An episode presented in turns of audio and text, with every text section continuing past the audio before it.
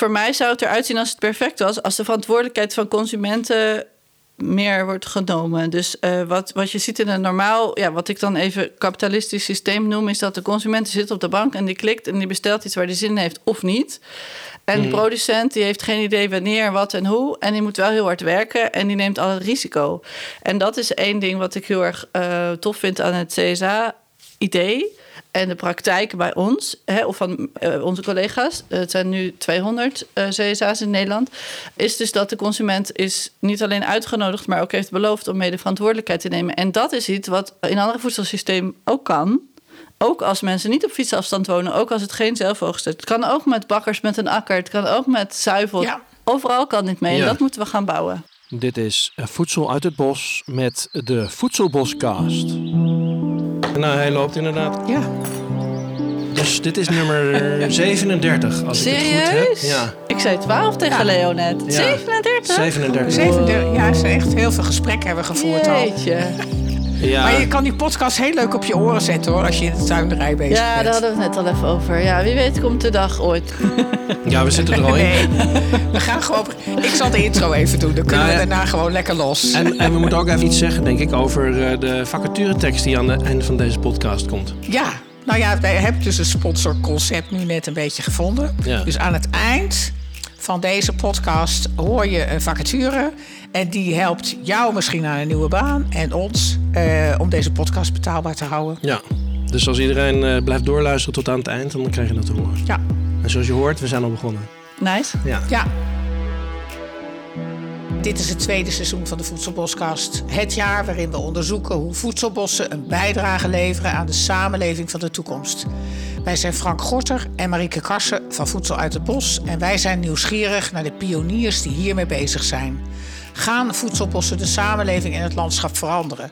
Wij denken van wel. Hoe gaat dit dan gebeuren? Dat is het onderzoek van deze podcast. Ja, En daar hebben we dan elke keer een gast waarvan we hopen dat we een leuk antwoord krijgen op al deze vragen. en eh, maar dat we een pionier te pakken hebben vandaag, dat is wel heel erg duidelijk. ja, een held voor mij. Ja. Ja. dus eh, ik ben ontzettend blij dat je in onze podcast bent, eh Clarien. Ja, Clarien Klingen, Ja. voor de duidelijkheid. Er is geen boerenactivist groter dan jij op dit moment die ja, ook dat zo he- ja, to the point weet te verwoorden. Hoe het is om kleine boer te zijn, om agro-ecologische boer te zijn. En daar horen de voedselbosboeren denk ik bij. Want jij bent van toekomstboeren, dat is jouw, eh, zeg maar, ja, eh, je grootste ding, neem ik aan. Zijn er ook voedselbosboeren al lid van toekomstboeren? Eh, ja, we, zitten, we zijn ehm, heel goede vrienden. Sterker nog, in de begintijd van Toekomstboeren werden wij heel vaak gebeld of eh, gemaild met... eh, ik krijg geen contact met Wouter van Eck. Kan je dat ons... eh, dus wij hebben onze allereerste publicatie, die heette Permacultuur en Voedselbossen. Daarin hadden we vijf of acht portretten van boeren, pioniers. En... ik weet even niet meer hoe we dat toen hadden ge- geframed. Maar in ieder geval, Wouter van Eck die stond er toen in. En dus, dus eigenlijk is het een beetje ook zo soort van zo begonnen. Dat we zeiden van eh, met toekomstboeren representeren we nieuwe boeren. Mensen die het echt helemaal anders aanpakken. eh, samenwerken met natuur, met maatschappij. En eh permacultuur en voedselbosboeren waren, waren toen... Nou ja, daar, begonnen we eigenlijk mee met om dat punt te maken. Zo van, het kan echt heel anders. En, Hoe lang eh, geleden was dat? Tien jaar. Ja, ik, ik, wij worden ook heel vaak gebeld en gemaild voor Wouter van Eck. Dus mensen proberen van alles om te bereiken. Dat, eh, Maar goed, dus, eh, hè, dus zijn Ja. voedselbosboeren lid van Toekomstboeren? Ja, ik denk dat het heel erg ehm, eh, heen en weer overlopend gebeuren is. Dus eh, sowieso zijn toekomstboeren niet homogeen. Het is zeg maar niet Nee. in, over één kam te scheren volk. Dus ik vind dat dat maakt al dat ik die vraag al, al complex vind. Ehm, en ik denk dat ik hetzelfde wel kan zeggen voor voedselbosboeren. ja. Maar eh, ja, ik denk dat we, heel, als we als we het dan toch zouden proberen, agroecologische boeren, stel we willen een onderscheid maken met voedselbosboeren, dan denk ik dat we gewoon heel goede vrienden zijn. Ja. ja. En wat ik eh, zelf heel erg leuk vind aan de Clarien, is je bent gaan studeren, maar vervolgens ben je gewoon dingen gaan doen. Je bent niet eh, in de universiteitswereld eh, gebleven, je bent zelf ja, tuinder geworden. Hè, dat, is, dat is natuurlijk een heel ander traject wat iedereen eigenlijk van je vroeg toen jij afgestudeerd was. Ja, klopt. En ehm, ik heb die keuzes gemaakt, wel degelijk uit idealisme, want ik wilde niet praten over, maar ik wilde zelf creëren. Het, het verhaal, ik, ja, ik wilde niet aan de kant staan te observeren en er iets van vinden. Ik vind het sowieso heel lastig als mensen een mening hebben, daar niets, niks mee doen. Ja. Dus ik wilde inderdaad ehm, eigenlijk mijn mening waarmaken. En als vrucht daarvan bleek dat als je dat doet, dat je mening ook beter wordt. Dus je verhaal wordt beter als die gaat over je daadwerkelijke ervaring. Maar nu is het een beetje uit de hand gelopen. Ehm, merk ik dat eh, eigenlijk mijn mening over de klimaatcrisis en mijn mening over het marginaliseren van peasants, van kleinschalige boeren, dat is, ik kan het niet, zeg maar, jullie kunnen dat onderwerp parkeren als jullie willen. En ik kan het niet, want ik ben het. Ja. En dus het is soms, het begon als een leuk idee, Mhm. alleen het is ook soms een beetje, ja, soms gaat het ver gewoon. Ja, dat, je kan niet even stoppen. Ja. De seizoenen die blijven gewoon Ja. doordraaien. Ja, dus, hè, dus dan als we het hebben over de klimaatcrisis, die, die, je, je voelt, je kan er niet, ja, wat ik zeg, je kan er niet weg van. Dus je voelt, je hebt gewoon letterlijk het stof in je bek Ja. van die, droge, van die droogte en die hitte. En ehm, Ja, ja, maar dat maakt je toch ook ijzersterk, Clarine? Dat is toch geweldig? ja, maar dat had ik toch, ik had het toch onderschat. Ik had het toch onderschat toen ik na de universiteit besloot om een MBO-opleiding te doen om boer te worden. Had ik het toch, dat zo, als ik erop terugkijk, toch als een soort van. eh, niet als strategie, maar wel als een idee. Eh, ik had ook wel een gevoel hoor, dat ik wat wilde creëren, maken en produceren. En niet alleen maar wilde praten. Maar ik wist, ja, ik wist niet dat het zo. eh, het is gewoon een beetje uit de hand gelopen, denk ik. Ja. Maar in een, op een goede manier. Als ik jou mag vragen, hoeveel van jouw tijd eh, besteed jij aan het daadwerkelijk zijn? Want die tuinderij doe je samen met een partner, neem ik aan. Dus, eh, heb ik begrepen? Of doe je dat helemaal alleen? Ja, ik vind het eh, sowieso al een veel sympathiekere vraag dan de vraag die ik heel vaak krijg. Er zijn twee vragen. Eentje die is- is onderhuids, maar popt soms op, is ben je wel een echte boer? En de andere vraag is, kan je ervan leven? Ja, dat weten jullie misschien, maar dat is in, in ja, de... nee, maar die vraag krijgt, krijgt iedereen. Ja, Dus gewoon best wel heftig. Maar dus dit is sowieso al een sympathiekere vraag, eh, vind ik. Dus dank je wel daarvoor. Ehm, ja, ik zal even proberen kort uit te leggen hoe eh, mijn leven eruit ziet. Ehm, en dat is best wel anders dan, je, dan we gewend zijn. De categorieën die we kennen van boeren en eh, kantoormensen of niet-boeren, zeg maar. Maar ik vind het ook heel leuk. Ik ben er ook heel trots op. En ik, vind het, ik ben er heel dankbaar voor dat ik mijn leven zo divers nu heb. Maar het is ook een, puntje, een pijnpuntje, een onzekerheidspuntje. Omdat het, dat als je meerdere dingen doet, ben je iets net niet helemaal, zeg maar. Hè? Dus soms triggert dat bij mij als iemand vraagt... kan je er wel van leven of eh, ben je wel een echte boer? Hoe dan ook, eh, dus in de tuinbouw in Nederland... in deze klimaatzone is het heel erg seizoen... eh, is heel erg seizoen eh, dingen. Dus we hebben 90 verschillende groenten... En dat maakt dat het gewoon van eigenlijk van april tot september is het heel erg druk. Van mei tot en met augustus is het eigenlijk bijna niet te doen, zo druk. Zoveel als we te doen hebben. En in de winter zijn er echt maanden waarin we echt niet naar de tuin zouden hoeven als we het niet zouden willen of kunnen. En Ja. dus dat is een extreem verschil. En dat is nog steeds voor mij als... Ik voel me dan ook best wel oud. Ik, het is toch iedere keer weer aanpassen. Iedere herfst en iedere lente moet ik me eigenlijk mijn identiteit weer een soort van wisselen. Eh, maar dus dat is tof en een uitdaging tegelijkertijd. Dus ehm, samen met Maria uh, run ik een CSA-tuinderij... waar 150 mensen van oogsten. Dat is 1 hectare. Wie, En- eh, hoe heet jouw tuinderij? De Wilde Peen. Ja. En dat doe je dus met z'n tweeën. Doen we met z'n tweeën. Eigenlijk heel weinig mechanisatie. Eh, dus ja, twee, eh, twee mensen en één teulige trekker. Ja, waar we mee vrezen, zeg maar. En that's it. Dus dat is eh, hè, dus als beeld 150 mensen oogsten, 1 hectare, twee mensen. En wij moeten in de zomer er allebei zijn, iedere dag. Vaak Ja. ook op zaterdag. En in de winter hoeven we er bijna niet te zijn. Nee.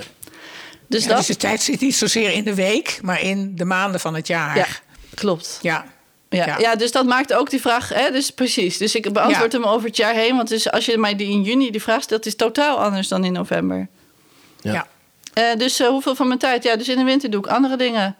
Eh, praten en zo. Wereld op een andere manier veranderen. Ja. De winter is ook verstilling. Als je de seizoenen volgt, dan is de winter ook weer een beetje naar binnen gaan. Maar ik kan me voorstellen dat. mm, dat, dat, dat wil ik eigenlijk eh, vragen. We leven nog niet in een wereld waarin alles CSA is. Of dat we allemaal lokaal eten.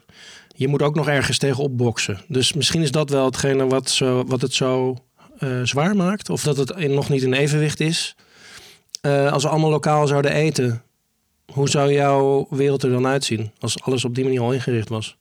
Kijk, het probleem wat ik op wil lossen met CSA is eigenlijk kapitalisme. Dus, hè, dus als je vraagt hoe zou het eruit zien, voor mij is niet per se het doel. Het, nou ja, dat, dat is wat eronder zit. Dus ik, wil, uh, ik wilde een oplossing maken voor de tussenhandel in de agrarische sector, omdat ik zie dat uh, boeren geen bestaan kunnen hebben en niet genoeg geld verdienen.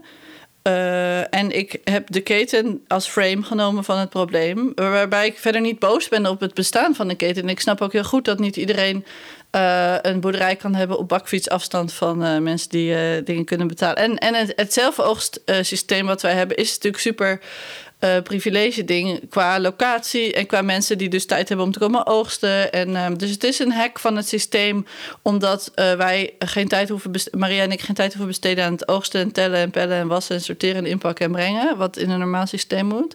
Maar het belangrijkste is natuurlijk dat er geen andere mensen geld verdienen aan ons werk. Ja. Misschien moeten we toch voor de luisteraar nog even uitleggen wat het CSA-systeem is, hè, de Community Supported Agriculture. Dan nemen mensen een abonnement. Uh, en jij zegt, kunnen er 50 gezinnen, 50 uh, abonnementen kunnen wij verkopen. En die betalen dat vooraf. 150. 150, waardoor jij een inkomen hebt uh, waarvan je zeker bent of ze nou komen halen of niet. En je bent ook van dit werk af. Zo is het de korte samenvatting, toch? Dat laatste begrijp ik niet helemaal. Je bent ook van dit werk af? Je, van het werk wat je net zei, pellen, oogsten. Nou, ze komen okay. zelf oogsten. Ja, ik ja. zal je even aanvullen, ja. Marike. Ja? Um, wat wij uh, als CSA-beweging in Nederland als definitie hebben, is inderdaad dat de consument zich uh, committeert, uh, afspreekt voor het hele seizoen. Dus daar heb je dat financiële, ja. wat je zei, dat je zekerheid ja. hebt voor de boer op financiële zin. Dus de, de smalste, of weet dat, de definitie wat, het is, wat is de CSA? Volgens het Nederlands CSA netwerk is het dat de consument en de producent een afspraak hebben die over een seizoen gaan. Ja. Waarbij Ja. dus de boer niet afhankelijk is van allerlei grillen. Eigenlijk meer een lidmaatschap. Ja, inderdaad. En in de praktijk is het vaak zo in Nederland dat het om zelfoogstuinen gaat. Maar dat hoeft niet. Dat is niet, dat is zegt niks. Dat, Nee, dat is toeval. En dan is het ook Ja. nog zo dat er een heel groot deel van de leden van de CSA-beweging in Nederland hebben pakketten. Ja. Dus daar wordt wel geteld, gesorteerd, ge- gewassen, ingepakt en vaak gebracht. Of in ieder geval georganiseerd, logistiek met kratjes. En daar is het dan eh, het voordeel eigenlijk dat de eh, boer kiest wat hij in de pakketten doet. Dat is Ja. het, een, een betere deal voor de boer dan wat in de winkel is, waar die niet weet wat er wel niet wordt verkocht. Maar goed, we hebben het nu over groenten. We hebben het over een heel erg urbane gebied, eh, Nederland, waar dus heel veel tuinderijen op, wel op fietsafstand liggen van heel veel consumenten. Wij hebben dus inderdaad 150 eh volwassen equivalenten die bij ons komen oogsten. Ehm, maar Frank's vraag was eigenlijk van wat, is, wat is nog niet af of waar, waar wil je, wat wil je nog bereiken hiermee? Of hoe zou het eruit zien als het perfect was? Ja. En dus voor mij zou het eruit zien als het perfect was, als de verantwoordelijkheid van consumenten meer wordt genomen. Dus eh, wat, wat je ziet in een normaal, ja, wat ik dan even kapitalistisch systeem noem, is dat de consument zit op de bank en die klikt en die bestelt iets waar hij zin in heeft of niet. En de producent die heeft geen idee wanneer, wat en hoe. En die moet wel heel hard werken en die neemt al het risico. En dat is één ding wat ik heel erg eh, tof vind aan het CSA-idee. En de praktijk bij ons, hè, of van eh, onze collega's, eh, het zijn nu 200 eh, CSA's in Nederland, is dus dat de consument is niet alleen uitgenodigd, maar ook heeft beloofd om mede verantwoordelijkheid te nemen. En dat is iets wat in andere voedselsysteem ook kan. Ook als mensen niet op fietsafstand wonen, ook als het geen zelfoogst is. Het kan ook met bakkers met een akker, het kan ook met zuivel. Ja. Overal kan dit mee en Ja. dat moeten we gaan bouwen. Ja, maar goed, je hebt het eigenlijk ook wel over een best wel grote transitie. Hè? Want wat jij noemt het kapitalisme zorgt er ook voor dat mensen vervreemd zijn daarvan juist. Dus die keten, ja, die wordt zo dusdanig, zit zo in elkaar dat mensen helemaal niet meer bezig zijn met wat, wat wordt, hoe wordt het gemaakt, door wie wordt het gemaakt. Je hebt geen idee eigenlijk meer. Ja, ik wilde je gaan tegenspreken toen je zei grote transitie. Omdat ik dacht van nee, maar Maria en ik hebben 1 hectare. Die 200 CSA's, dat, dat is heel klein en heel daadwerkelijk. Dus dat is in die zin geen grote transitie. Maar ik ben het eens als je zegt... het is eh, niet zo eenvoudig, omdat... De, het is geen toeval dat de mensen op hun bank zitten te klikken en consumen. Nee, dat is geen toeval. Daar zit een kracht achter. En om die te veranderen. Dus het is wat er nu gebeurt, denk ik, in deze huidige tijd, in deze, dit stukje van de wereld, is dat mensen het interessant vinden. Oh, schattig bloemetjes en bijtjes. En hopelijk dan ook misschien gifvrij voedsel. Maar die link met eh, een ander systeem is nog, eh, nog, nog een hele stap. Dus dat is, hè, dat is nu wat er gebeurt. Mensen worden aangetrokken op een herenboerenachtige manier. Dat is mijn ervaring ook. Ja, voor, voor Ja. eigenlijk voor het imago, voor de, voor de schattigheid. Ja. Eh, en vervolgens moeten wij eigenlijk nog dat punt maken. En wij CSA'ers doen dat eigenlijk vanzelf. Maar ehm, met bio alleen heb je nog geen eh, rechtvaardiger systeem. Nee. Dus dat punt moet nog gemaakt worden. Dus, en dat is een grote transitie. Dat Ja. is niet makkelijk. Ja, dat is het politieke Maar- verhaal. Precies. Want dan kom ik, ga ik toch een beetje prikken. Want ik heb toevallig best wel wat van die CSA, eh CSA ontmoet. In het begin gaat dat altijd heel leuk. Hè? Dan start je en dan, dan maak je verbinding met je omgeving. En dan zijn er allemaal enthousiaste klanten. Maar eh, je krijgt verloop. Je krijgt op een gegeven moment mensen die ermee stoppen. En, eh, en, en aanwas nou is Ede-Wageningen toevallig wel een uitzondering. Hè, daar is alleen maar ruimte voor nog meer CSA's... omdat het toch een hele bijzondere regio van Nederland is. Maar wat hoor jij binnen die CSA-vereniging in algemene zin? Is er veel verloop? Is het lastig om mensen... eh, eh, om de voldoende abonnementen te verkopen? Oké, je hebt meerdere vragen tegelijk gesteld. Eh, Eerst even heel kort voor de lokale luisteraars of potentieel lokale luisteraars. Ede en Wageningen zijn niet hetzelfde. Nee, dat is zo. Ja, In Wageningen zijn heel veel leuke linkse goede mensen en zijn heel veel biologische kleinschalige landbouwinitiatieven Ja, sorry, die goed Wageningen, draaien. inderdaad. Ede is, eh, ja, ik moet me een beetje netjes natuurlijk hier verwoorden, maar Ede is eh, anders, ja. zeg maar. En ja, echt heel anders. Dus er zijn heel veel varkens en kippen en SGP-stemmers. Daar komt het eigenlijk op neer. Ja. En dat is gewoon heel taaie materie. Als je daar. Biologisch is al een shock daar voor de mensen. Ehm, en dan Ja. CSA en nou ja, anticapitalisme. weet je, Dat is gewoon, dat is gewoon eh, best wel. Dus daar ben je echt aan het ploeteren. Als CSA-boer. Ja, en dat is echt. inderdaad. Wij hebben daar echt ook eh, dingen over meegemaakt, zeg maar. Dus dat is, niet, dat is echt niet makkelijk. Dus dat is een, echt een totaal andere ja, regio. Ehm, even denken hoor. Jij zei, jij vroeg je Veel af verloop. hoe duurzaam zijn die deelnemers eigenlijk? Ja. Nou ja, wat wij horen van collega's van ons door het hele land is dat er wachtlijsten zijn voor deelnemers. Kijk. Wat wij horen van collega's die ietsje langer dan twee jaar bezig zijn, is dat zij eh, geen verloop hebben behalve van verhuizers of sterfgevallen. Nou, dat is een heel goed teken. Maar ik heb het over mijn CSA-collega's. Ik heb het niet over. eh, hoe heet dat allemaal? Dat, dat al die eh, pakketbedrijven en die het vanuit een marketing. eh, eh, die hebben ontzettend veel moeite. da- daar is het een ander verhaal. Daar uit die wereld kom ik. Precies. Ja. Ik heb het over Ja. de, de echte boeren die echte eh, direct, zeg maar, wij, wij hebben zelf onze communicatie georganiseerd. Wij hebben zelf onze afspraken gemaakt met de consumenten. We hebben geen franchise model waarbij we, nou ja, ik ga ook daar maar niet te negatief over uitlaten, maar in ieder geval, wij hebben, wij 200 boeren hebben onze eigen logo's ontworpen. We hebben onze eigen tuinerijen ingericht. We hebben onze eigen consumenten daar afspraken mee gemaakt. Wij zijn zelf aan het pionieren op het gebied van solidaire betaling. Hoe we dat kunnen organiseren met elkaar. Eh, dus daarom is het super solide. De, de relatie tussen de consument en producent, dat is. Dat is, st- staat als Ja. een huis. En dat groeit ook als kool. We hebben nu de CSA-conferentie die we nu aan het organiseren zijn, is met niet-boeren ook met dus deelnemers, met oogsters, of hoe noem je ze, leden. Ehm, ja, dus dat is echt, eh, vind ik echt heel tof ook om daar deel van uit te mogen maken. Ja. Ja. Nee, maar dat, daar heb je een punt. Want al die korte keteninitiatieven die dan als een schakel tussen die boer en de klant gaan zitten. Nou, die, die hebben het al jaren moeilijk. Ja, en die gaan dus uit eigenlijk van Ja. het Albert Heijn-model, wat ze proberen ietsje schattiger te maken. Als ik het even kort door de bocht mag zeggen. Ja, hoe, hoe donkergroener ze zijn, hoe stabieler ze in hun klantengroep zitten. Ik zeg niet dat het makkelijk is om op een eerlijke manier voedsel van de polder naar de stad te brengen. Hè. Er zijn altijd logistiek. Hè, dus ik doe nu alsof het heel makkelijk is. Het is alleen maar makkelijk als je eh, een landbouwplek hebt waar, Ja. waar de consument echt dichtbij woont. En, en dat is natuurlijk heel vaak niet zo. Nee. Maar in Nederland natuurlijk wel. Tenminste, sneller dan in heel veel andere landen. Ja, het is relatief, eh, relatief altijd dichtbij. Ja, dat Ja. is ook zo. Ja. Nee, maar wat Ja. je ziet, en dat is eigenlijk waar mijn vraag ook over ging, dat die initiatieven dus wel vaak mensen weten te inspireren. Oh ja, de bloemetjes, de bijtjes, precies wat jij zei, hè? we moeten anders. Maar dat houdt geen stand. Want je gewoontes van boodschappen doen, zit heel diep. Dat gedrag zit heel diep. Ja, het zou kunnen Ja. zijn dat het eh, qua, qua klik en buy en omzet en zo geen stand houdt. En dat is eh kloten voor die, eh, voor die relatief kortere ketenbedrijfjes. Maar ik, ik geloof niet dat die mensen die bijvoorbeeld om welke reden dan ook gestopt zijn met hun abonnement, dat ze nu helemaal niks meer geven om biodiversiteit. Dus ik denk dat het aan ons is Nee. als beweging om super duidelijke uitnodigingen te maken nu. Ja. Van eh, doe met ons mee. Volgens mij zit het hem daarin. Dus niet zozeer in marketing en verkoop, maar in duidelijke uitnodigingen eh, om mee te werken aan onze transformatie die we nodig hebben. Ja, maar goed, eh, wat ik ook hoor is die transformatie zit in het doen. Dus als mensen nou eenmaal meedoen, dan kunnen ze eigenlijk ook meemaken wat het betekent. Door fysiek daar aanwezig te zijn, door fysiek met jou contact te zoeken, eh, erover te praten. En hoe, eh, hoe werkt dat? Eh, praat je ook met mensen over dit soort onderwerpen die dan bij jou komen oogsten? Of ga je met elkaar thee drinken? Werkt dat zo?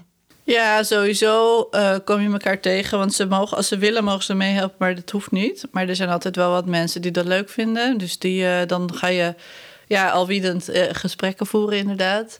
Eh, een andere aanleiding om het. eh, een aantal van onze oogsters heel erg ook aan het denken te hebben gezet en aan het meewerken hebben gezet, is dat we dus een ander betalingssysteem hebben, best wel alternatief raar betalingssysteem hebben ontwikkeld. En ja, toen we daarmee begonnen, waren we zelf ook een beetje aan het puzzelen hoe we dat wilden organiseren en hoe we het gingen communiceren naar de oogsters. En het ehm, samen dat vormgeven, dus Maria en ik en de oogsters, dat heeft ook heel veel teweeg gebracht. Want we wilden dus een eerlijker systeem waarbij dus mensen met minder geld minder betalen en mensen met meer geld meer betalen. En hoe pak je dat aan? Ja, hoe doe je dat? Hoe hebben jullie dat gedaan dan? Ja, uiteindelijk, wat we nu hebben, daar ben ik heel trots op en heel blij mee. En is heel best wel, best wel goed te begrijpen en straightforward eh, in communicatie ook. Maar dat was wel een heel proces waarbij we dat met elkaar hebben moeten leren. En je ziet nu dat er steeds meer CSA-collega's dat aan het. eh, eh, verder ontwikkelen zijn of overnemen of eh, if you will. Ja, dus we hebben een, eh, op onze website, op de Wilde Peen, hebben we bij Solidaire Vergoeding hebben we een, een plaatje waarin je bedragen ziet die als je jaarbijdrage per oogstdeel, dus per volwassene zeg maar, dus je, je kan je kinderen als, als half of een derde of eh, moet je zelf kiezen voor hoeveel je kinderen laat meedoen, maar dus per volwassene oogstdeel, eh, bedrag per jaar. Eh, dat zie je in één oogopslag in een plaatje met daaronder het uurloon van de tuinder. Oké. Ja, ik probeer even een beeld te maken. Dus je bent op een webpagina. Je ziet een, eh, een schijf. Nee, je hebt een. Hoe heet zo'n ding? Eh, je hebt een gewoon de- precies, je hebt een balk met bedragen boven en bedragen onder. En de balk is open aan links en open en rechts. Dus je mag ook nul betalen en je mag ook het hoogste bedrag staat er ook niet bij. Ja. Maar voor de mensen die het moeilijk vinden om echt helemaal zelf na te gaan denken, daar hebben we hulpjes voor eh, eh, in beeld gebracht. Ehm, en dat is het, zeg maar, het, het- mensen willen graag het middelste natuurlijk altijd doen. Hè? Dus in het midden, daar staat het minimumloon voor ZZP'ers. Dus daar staat eh 17 euro. Er, ooit heeft de overheid dat bedacht als minimumloon voor ZZP'ers, 17 euro. En dan staat er ook bij zonder, dit is eh, bruto, dus zonder eh, arbeidsongeschiktheidsverzekering en pensioen. Eh, als zij willen dat wij 17 euro verdienen, dan moeten zij, als ik het goed zeg nu uit mijn hoofd, 300. Of Marieke zit er al op. Ja, ik heb het inmiddels voor mijn neus. Ik heb het al voor mijn neus. Ja. Ja, wat staat er? Als je op 16 euro, dat staat op 16 euro, dan betaal je per jaar 330 euro. Ja. Ja, dus als je, als je wil, eh, als je 330 euro betaalt, stel je wil helemaal niet nadenken of je vindt het moeilijk of weet ik veel, dan betaal je gewoon 330 euro. Dan weet je dat Clarina en Maria een minimumloon voor ZZP'ers verdienen. Maar wat wij vragen, wat we proberen te communiceren is, wat verdien je zelf? Ja. Ja, precies. En om je te relateren aan je Nou, je eigen probeert die verantwoordelijkheid te verleggen, als Ja. Dat is het Ja. wat jullie doen. Ja. Ja, je zou er ook nog bij kunnen zeggen van hoeveel groente je daarvoor krijgt, hè, voor die 330 euro. Want dat is natuurlijk een belachelijk laag bedrag. Ja, maar dat is dus het oude denken, Marieke. Want dat was dus Ja. de mensen die in het begin bij ons kwamen... die kwamen ook vanuit die gedachte... kan ik twee voor de prijs van één? Hoeveel groente krijg ik ervoor? Dat is dus het oude denken van... ik wil lekker veel kilo voor lekker weinig euro. En zo kwamen Ja. veel mensen bij ons terecht... omdat ze dus dachten, oh, iets met vlinders, leuk. Eh, en die kwamen alsof ze in de Lidl waren... kwamen ze bij ons eh, lekker veel paprika's halen... of proberen dus met twee... eh, ja, we kunnen niet zo vaak oogsten, want we zijn heel oud. Mogen we met z'n tweeën voor de prijs van één? Ja, we, zijn, eh, we kunnen niet zo vaak oogsten, want we hebben jonge kinderen. Nou ja, er waren allerlei redenen om te proberen Ja. twee voor de prijs van één te krijgen. Dat Ja. hebben, we- is ons aangeleerd. We zijn gewend om zo te denken. Het is oké, het geeft niet. Maar het was wel een uitdaging voor ons om uit te leggen wat we dan wel vragen aan de mensen. Ehm, dus we hebben het woord prijs veranderd in vergoeding. We, leggen uit dat de mensen meehelpen aan de vergoeding voor de landbouw en dat wij daarvoor iets nodig hebben.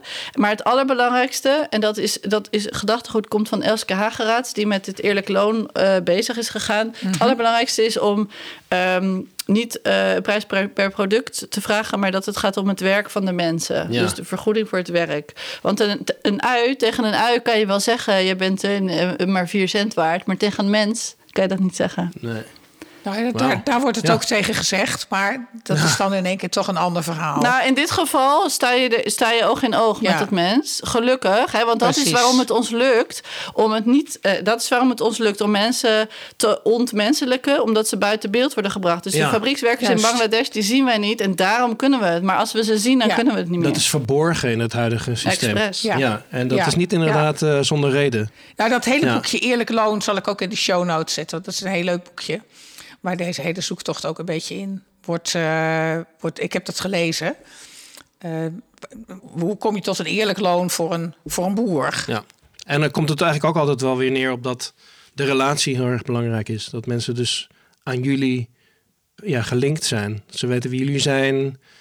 Eh, en dan, ja, dan, dan ben je eigenlijk ook bereid om daar geld aan te geven. En dan gaat het niet om die ene ui, maar gewoon om jouw relatie. Ja, tof. En dat is dus waar we net, wat we net aanstipten, wat me nu heel erg aan het denken zet. Want jij zei, ik zei, je hebt eh boerderij dichtbij bakfietsen, even kort door de bocht, en dan kan dit. Nou, Oké, leuk. En ik zei het als probleemstelling van, ja, maar eh, Flevo, akkerbouw, hoe krijg je dat in Amsterdam? Ehm, en toen zei jij, nee, maar Nederland, alles is dichtbij. En dus nu ben ik aan het nadenken over die, eh, want het is die relatie waardoor het mogelijk is voor de producent om een eerlijke prijs te vragen. En waardoor het eigenlijk bijna automatisch voor de consument gebeurt dat hij dat, hij dat gaat eh, inzien, zeg maar. Het is die relatie. Dus nu ben ik aan het nadenken van welk, hoe ziet dat er dan voor mij uit?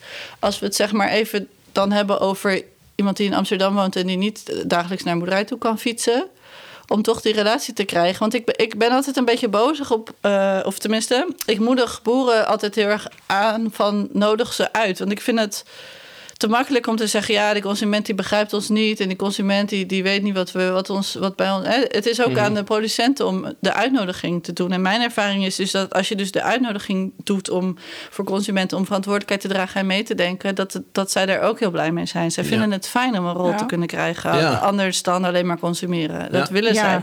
Ik ken, ik ken wel initiatieven hoor, in eh Clarien, van een boer uit de Noordoostpolder. Die met die voedselgroepen dan zit in, in Driebergen en Amersfoort. zijn een aantal van die voedselgroepen. Die dus met die boer samenwerken.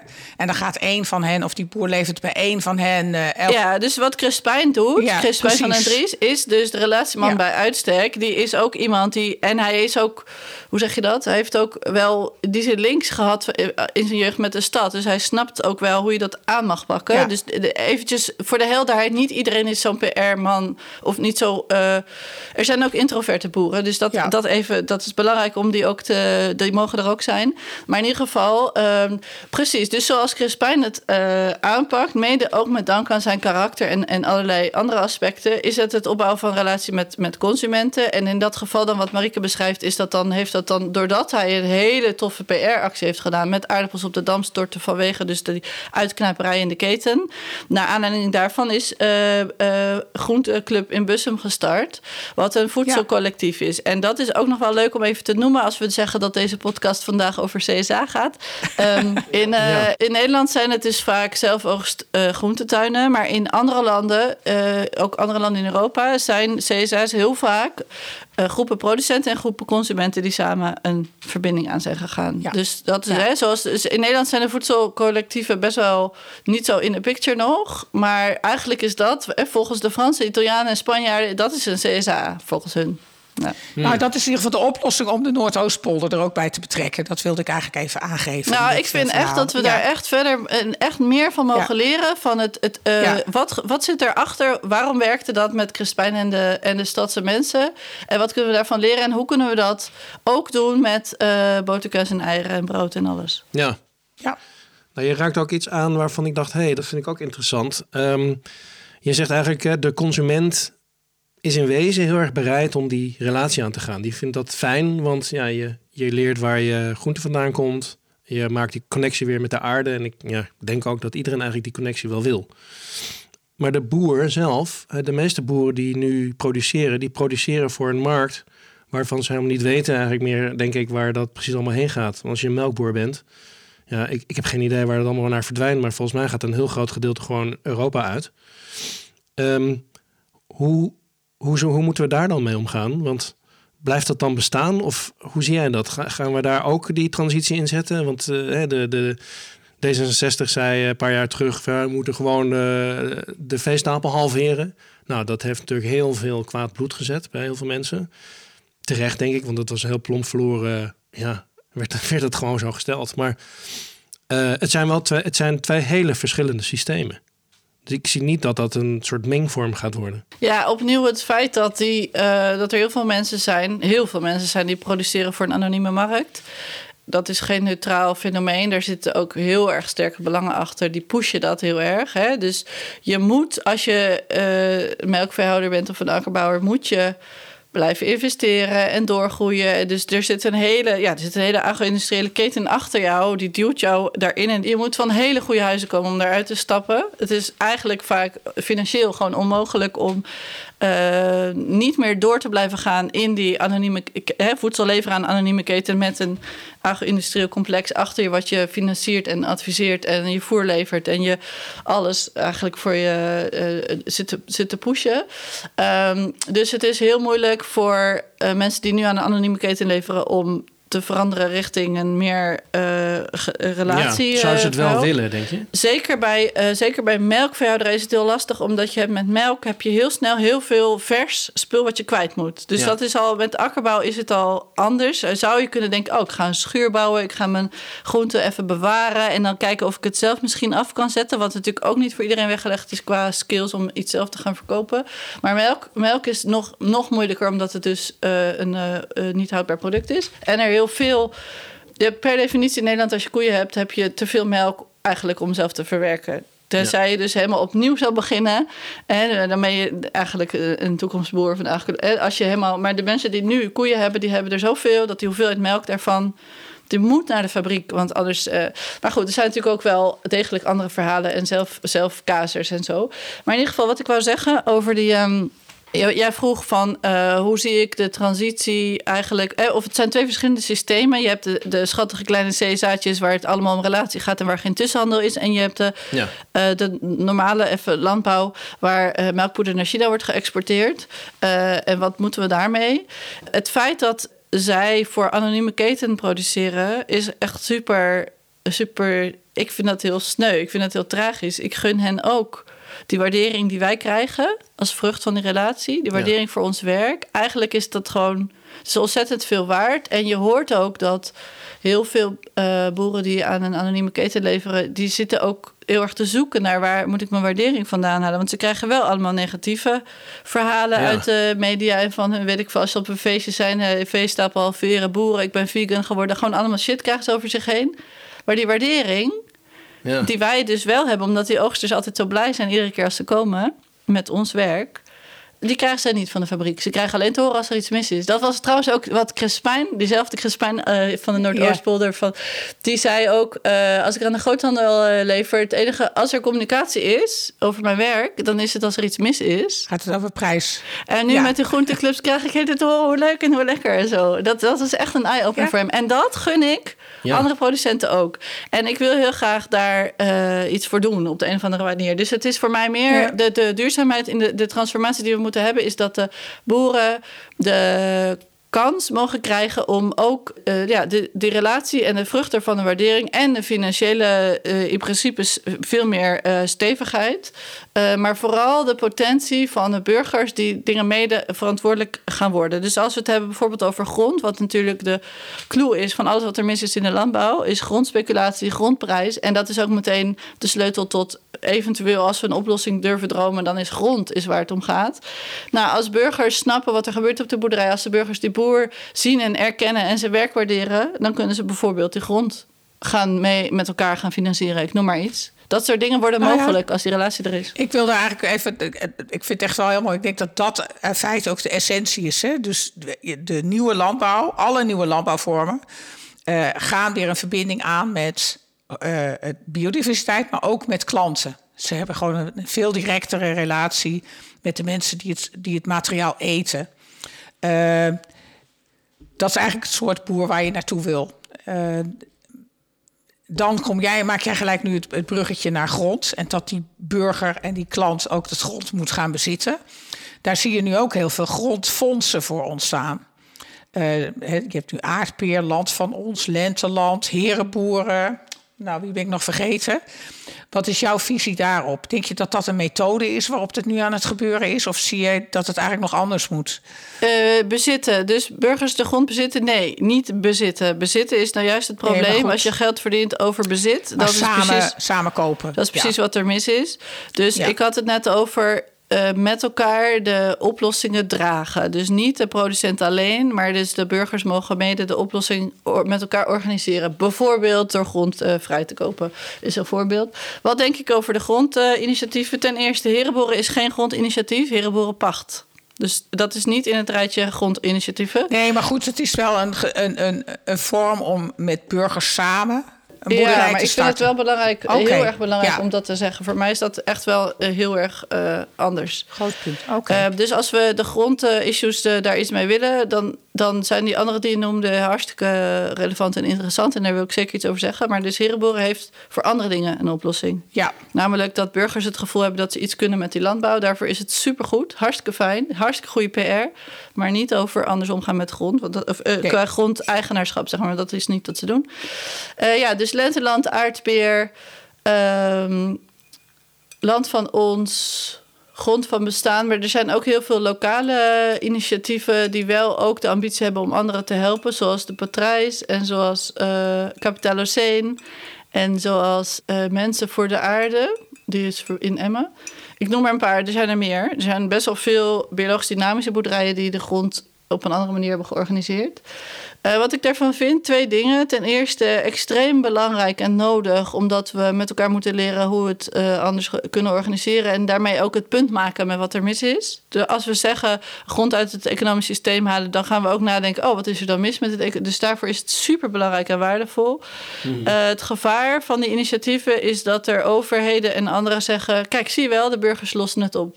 LNV hoeft het niet meer. Uh, dat is zeg maar, als we heel jubelend zijn over land van ons, dan zeggen we: zie je wel, zo kan het ook. Maar waar uh, zit dus het gevaar dan? Wat, hè, want als we het zelf oplossen. Het gevaar zit dat op dit moment is de pachtwet en de grondspeculatie en het hele systeem is zo ingericht dat, het, uh, dat je ontzettend wordt aangemoedigd als grondeigenaar om hele korte pachtcontracten uit te geven ja. aan, aan pachters.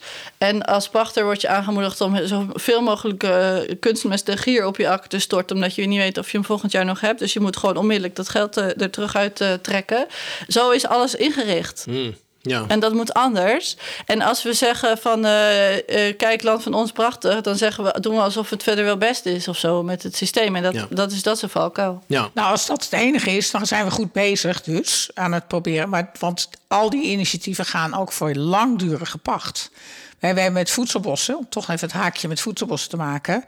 Uh, in onze cursus uh, voedselbosplan zeggen we ook altijd: ja, als je gaat pachten, uh, dan moet je nadenken of alleen maar genoegen nemen met een langdurig pachtcontract, met erfpacht of, of andere vormen waarin in ieder geval voor een lange tijd wordt vastgelegd. Is dat ook wat jij binnen die CSA-beweging, binnen toekomstboeren, uh, mensen adviseert? Nou ja, dat is natuurlijk het mooie, dat als je bomen gaat zetten, dan is het meteen duidelijk dat je 30 ja. jaar nodig hebt. Ja. En dat is onze valkuil, denk ik, als uh, super gemotiveerde, naïeve uh, wannabe groentetelers. Dat we denken, oh, een jaar, oh, wat fijn dat ik grond heb. Yes, ik ga beginnen. En ja. uh, er zijn gewoon heel veel collega's, wilde ik zeggen, maar wij zelf ook. Wij hebben ook een vijfjarig contract waarvan we nu op de helft zitten. Dus ja. als uh, onze verpachter over twee jaar zegt: Nou, ik heb de grond toch maar nodig voor mijn eigen boerderij, dan, zijn wij, dan is het gedaan met ons. Of met ons op die plek. Ja, want die liberale pacht is eigenlijk hetzelfde als wat met die liberale huur van, van huizen is. Hè? De, de, de eigenaren. Ja, maar dus wij, ja. heel veel archeologische boeren nemen er genoegen mee, omdat het gewoon super moeilijk is om grond überhaupt te vinden. En het mooie van dus bomen voorkomen. Voedselbossen is dat je meteen al weet dat, dat je er eigenlijk zeg, zeg maar niks aan hebt. Of dat je 15 jaar of 30 jaar nodig hebt.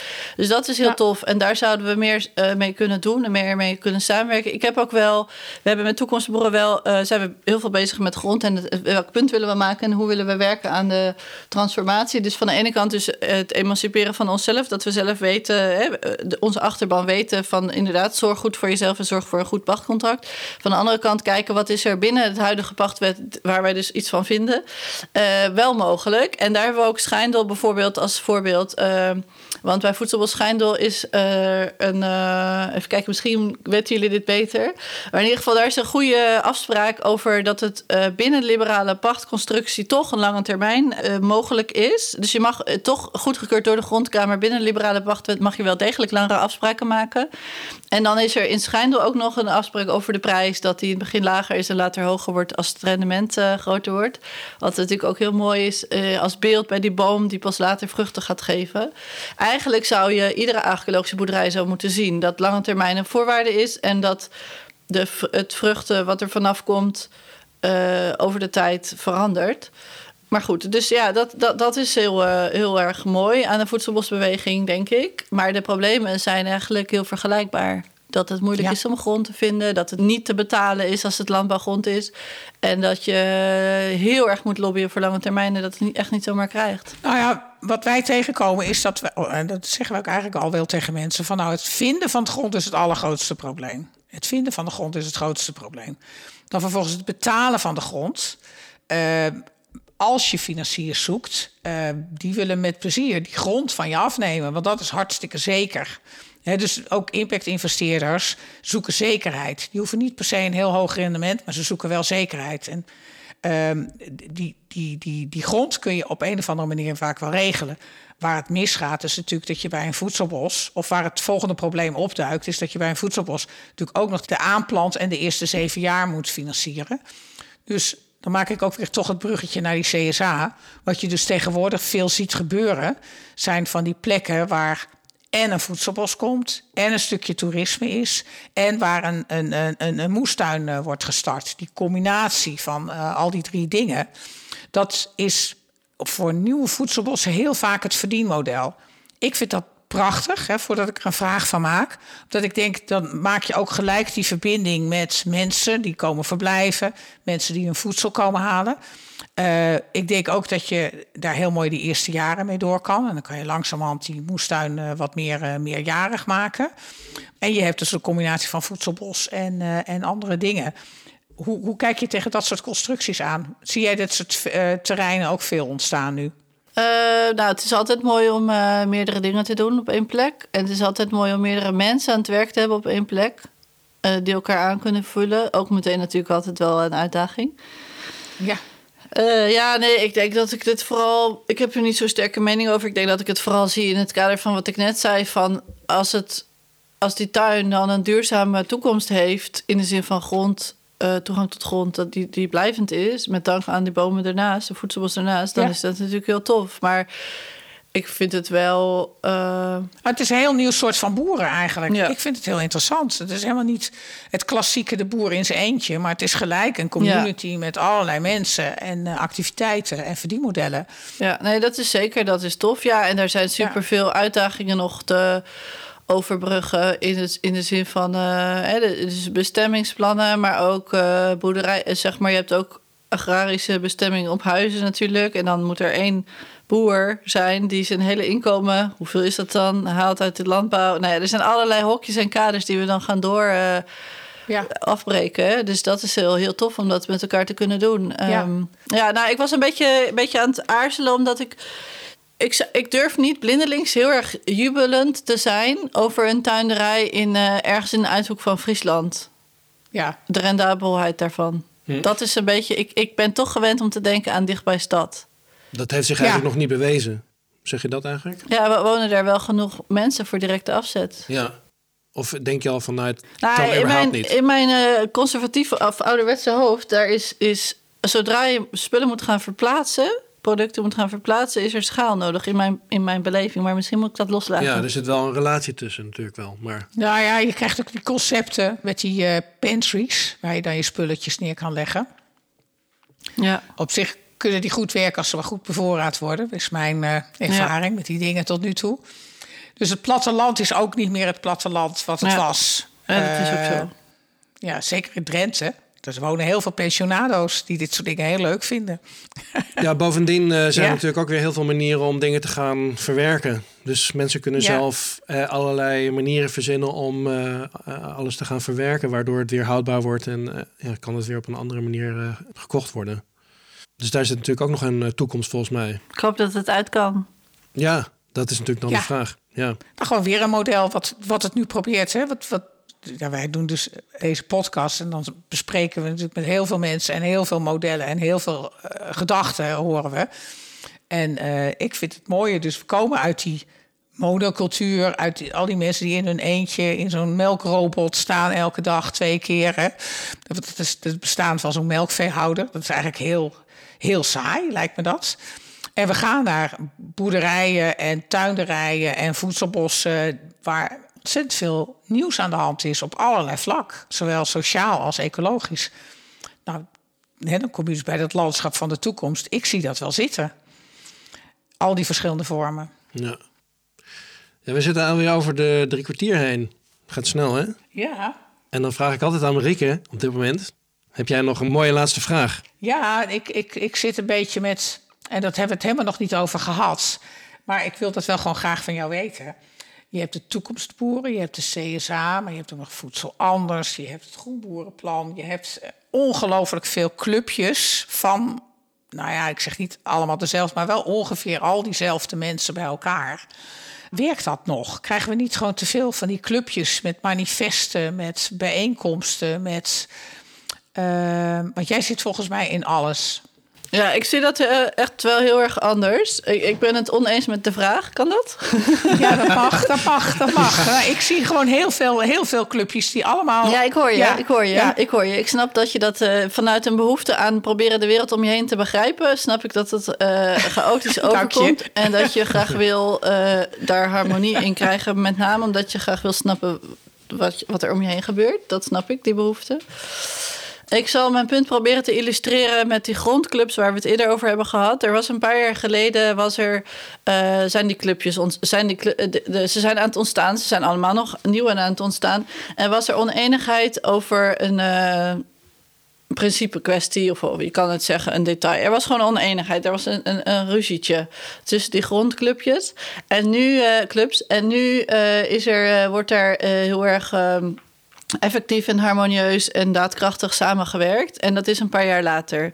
Hoe ik het zie, is dat er eh, in het begin van het ontstaan van welk initiatief dan ook, ben je aan het zoeken naar wat ben ik en wat ben ik niet. En wat is de grens van mijn identiteit en wat is het kader. En als iemand naast jou iets gaat doen wat erop lijkt, maar net een beetje anders is, dan wil je eigenlijk heel graag even dat anders, wat er dan anders aan is, even benoemen. Ja, dat snap ik. Eigenlijk omdat je eigen identiteitsgrens een beetje nog troebelig is. En soms is dat, werkt dat zo als je zegt eh, wat het verschil is tussen... oké, nee, maar, oh, maar wij staan dus hiervoor. Oké, en dan weet je zelf ook beter wat je aan het doen bent en waarom. En ja, in mijn beeld is het vaak een kwestie van tijd... van het doorontwikkelen van initiatieven, organisaties, clubs...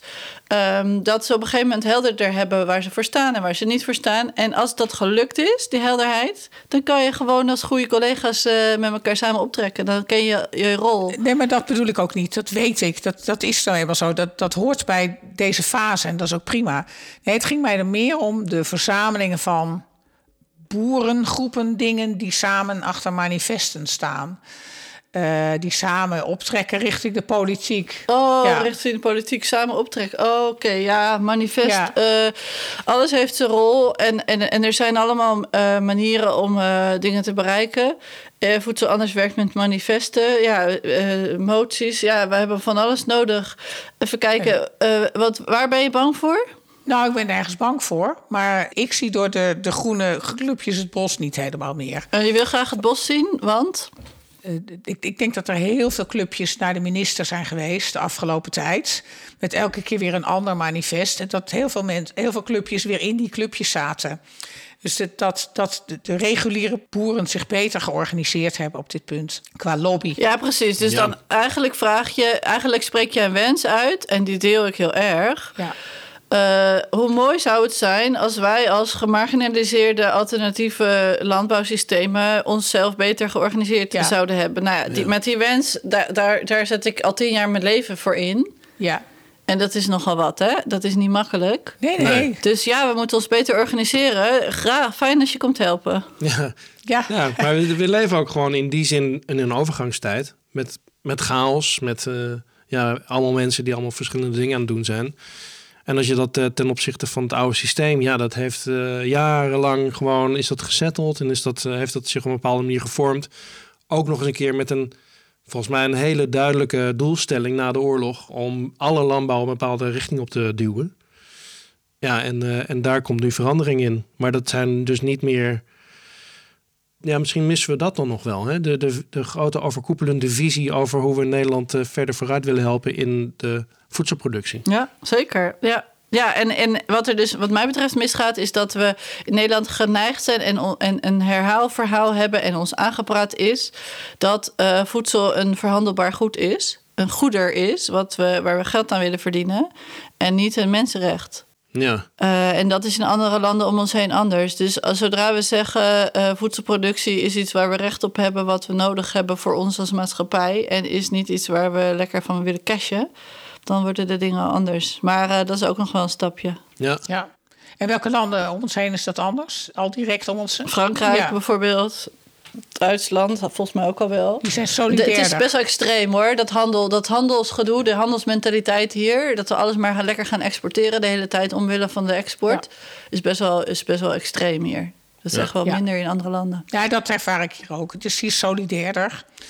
En, eh, en mensen zijn veel meer met bio bezig. Gewoon ook op het platteland. Als ik hier naar de markt ga. Nee, maar als je Ja. zegt van... eh, wat, eigenlijk denk ik dat, dat, is, dat is wat je zei, Marike, van... Het is chaos in het eh, alternatieve landbouwclubjesland. Eh, daar, daar- ben ik, het, ik wens ook dat het steviger daar staat. Voor mij, voor mij helpt het voor mij om nou ja, gerust te stellen, weet ik niet, maar om het te, begrijpen, is dat ik heel erg geloof in ieder zijn rol. We dragen allemaal wat bij.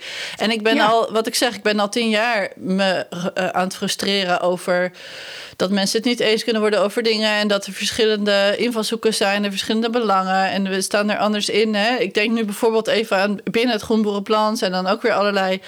Ja, er zijn gewoon allerlei mensen met allerlei strubbelingen en dingen. En juist omdat we gemar- in gemarginaliseerd zijn en klein en alternatief, is dat, is dat extra pijnlijk en extra moeilijk. En hebben we altijd weinig geld en weinig lobbykracht. En eh, dus ook wat Frank zegt, ben ik het ook helemaal mee eens met gevestigde orde-instituten. Die hebben zich al uitgekristalliseerd. Dus die weten precies welk mannetjes op welke plek kunnen zetten en hebben daar het geld ook voor. Als je het dan hebt over Ja. in de invloed hebben in Den Haag. En wij zitten gewoon wat aan te rommelen. En dat is super frustrerend. Daar heb ik ook heel veel last van. Ik wou ook dat het beter was. En die oplossing, die heb ik niet. Nou, het is nog erger. We moeten gewoon invloed hebben in Europa. Niet eens in Den Haag, maar bij de Green Deal. Nou, ik ga even een stukje schoffelen. Ja, Ja, ga dat maar gauw Serieus, doen. ja. Dat is, daar heb je Nou ja, dat is, wel, dat Ja. is wel mijn emotie heel vaak geweest de afgelopen jaren, waarin ik probeerde mensen te mobiliseren en te organiseren. Van Ja. eh, als ik tenminste gewoon nu even een bedje mag wieden, dat, dat, is de, dat lukt me nog wel, weet je wel. Het is gewoon duidelijk. Dus Ja. in die zin kan ik het iedereen aanraden om eh parttime tuiner te zijn. ja. Ja, nou dat is een mooie oproep. Eigenlijk ook. Ik vind dat je heel Ja. dingen, dingen heel mooi verwoordt. vind ik ook. Volgens mij heb jij best wel helder voor je van welke richting we met elkaar op zouden moeten gaan. Hoe ziet ons landschap eruit over 10, 20 jaar? Ja, er is een beeld wat mij niet loslaat. En dat is niet mijn wens. Maar toch een beeld wat me niet loslaat. Is dat er een tweedeling blijft en dat die erger wordt. Dus dat er eh, boeren zijn die de grond van hun buren opkopen en eh, grote ja, veefabrieken hebben staan. Wat er nu al is, maar die worden groter, want de, middel, de middelmaat die kan niet meer uit. En dat er daarnaast, eh, nou ja, daarnaast of elders of op andere plekken doorheen eh, deze regio ehm, iets is wat er anders uitziet. En eh, ja, hoe dat er dan uitziet is dan inderdaad eh, met verschillende kleuren groen en eh coulissen en eh, voedsel en natuur, productie. Allerlei leuke constructies die we ons allemaal voor ons kunnen stellen. Maar mijn, ik vrees want ik wil dat dat is, dat, dat groene diverse landschap, dat dat is hoe we ons voedsel gaan produceren. Maar ik vrees dat het industriële niet zomaar afgebroken is. En ik vrees dus, ik, waarom ik zeg dat ik vrees voor die tweedeling, want het kan ook een bepaalde rust geven. Het kan ook een bepaalde structuur bieden van oké, daar zitten de gifboeren en daar zit het groene gebeuren. Het kan ook misschien verhelderend werken of zo. Ehm, maar waarom ik het, eh, ja, waarom ik het vrees, is omdat eh, ik het heel pijnlijk vind. We hadden het net over Drenthe. Marieke is- had het net over Drenthe als een hoopvol iets. Maar ik zie daar juist clash of cultures. Ik, bij mij, ik krijg juist heel veel pijn in mijn hart als ik door Drenthe rijd. Omdat ik de polariteit naast elkaar en tegen elkaar aanzie. Dus ik zie die pensionados zitten naast die mannen Ja, die er nog iets zo. van proberen te maken... en totaal in paniek zijn. Dat rijdt met elkaar op hetzelfde fucking weggetje. En dat vind ik heel heftig. Dat vind ik echt heel moeilijk. Ja. En dat eh, is nog niet zomaar voorbij. Ja, nee, het is niet voor niets dat die hele BBB-beweging daar vandaan komt. Daar speelt het heel erg, die, die clash tussen import en, en locals. Ja, maar dat zijn Ja. elkaars buren. Zij moeten bij elkaar op het dorpsfeest kunnen zitten. Ja, Ik vind dat ja dus die lijn die gaat dwars door alle gemeenschappen heen. Ik vind het echt heftig. Ja, Ja. ja. Sorry Nou ja. voor deze Ja. pessimistische. Ja, nee, ja, je wou een hoopvol, je wou een hoopvol einde. Precies. Nou ja, ik wou je in ieder geval wel heel erg bedanken voor dit gesprek. Want eh, Ja. ja. het is ontzettend verhelderend geweest ook voor mij om op een CSA-manier eigenlijk naar, naar het hele verhaal te kijken. De voedselbossen zijn wat minder eh, aan bod geweest vandaag. Maar ja, dat maakt ook eigenlijk niet zo heel veel uit. Ja, maar voedsel wel. En eh, ja, alles Dit- gaat gewoon natuurlijk ja. over het voedselvraagstuk. Ja. Ja, maar dat is waar jij ook zo sterk in bent, Clarine. Omdat daar al jaren ben jij daarover aan nadenken. Over voedsel, over eerlijk verdelen, over eh, nou ja, inderdaad grond. Dus dat is best aardig volgens mij in deze podcast allemaal aan bod geweest. ja, volgens mij ook. Nou, Karin, dankjewel voor dit mooie gesprek. Met plezier. Doei. Wil jij wonen en werken als voedselbosboer op de Hemelse Hondsrug in Drenthe? Meld je dan aan voor de vacature Voedselbosboer voor Voedselbos Valte. Dat is V-A-L-T-H-E. Er is een woonhuis met 8 hectare landbouwgrond beschikbaar om jouw droom werkelijkheid te maken. Het wordt een voedselbos gecombineerd met een moestuin en recreatie. Zodat er vanaf het begin een gezonde kastanjeboterham verdiend kan worden. Heb jij hier oren naar? Stuur dan een mailtje naar info@voedselbosvalte.com met je cv en motivatie.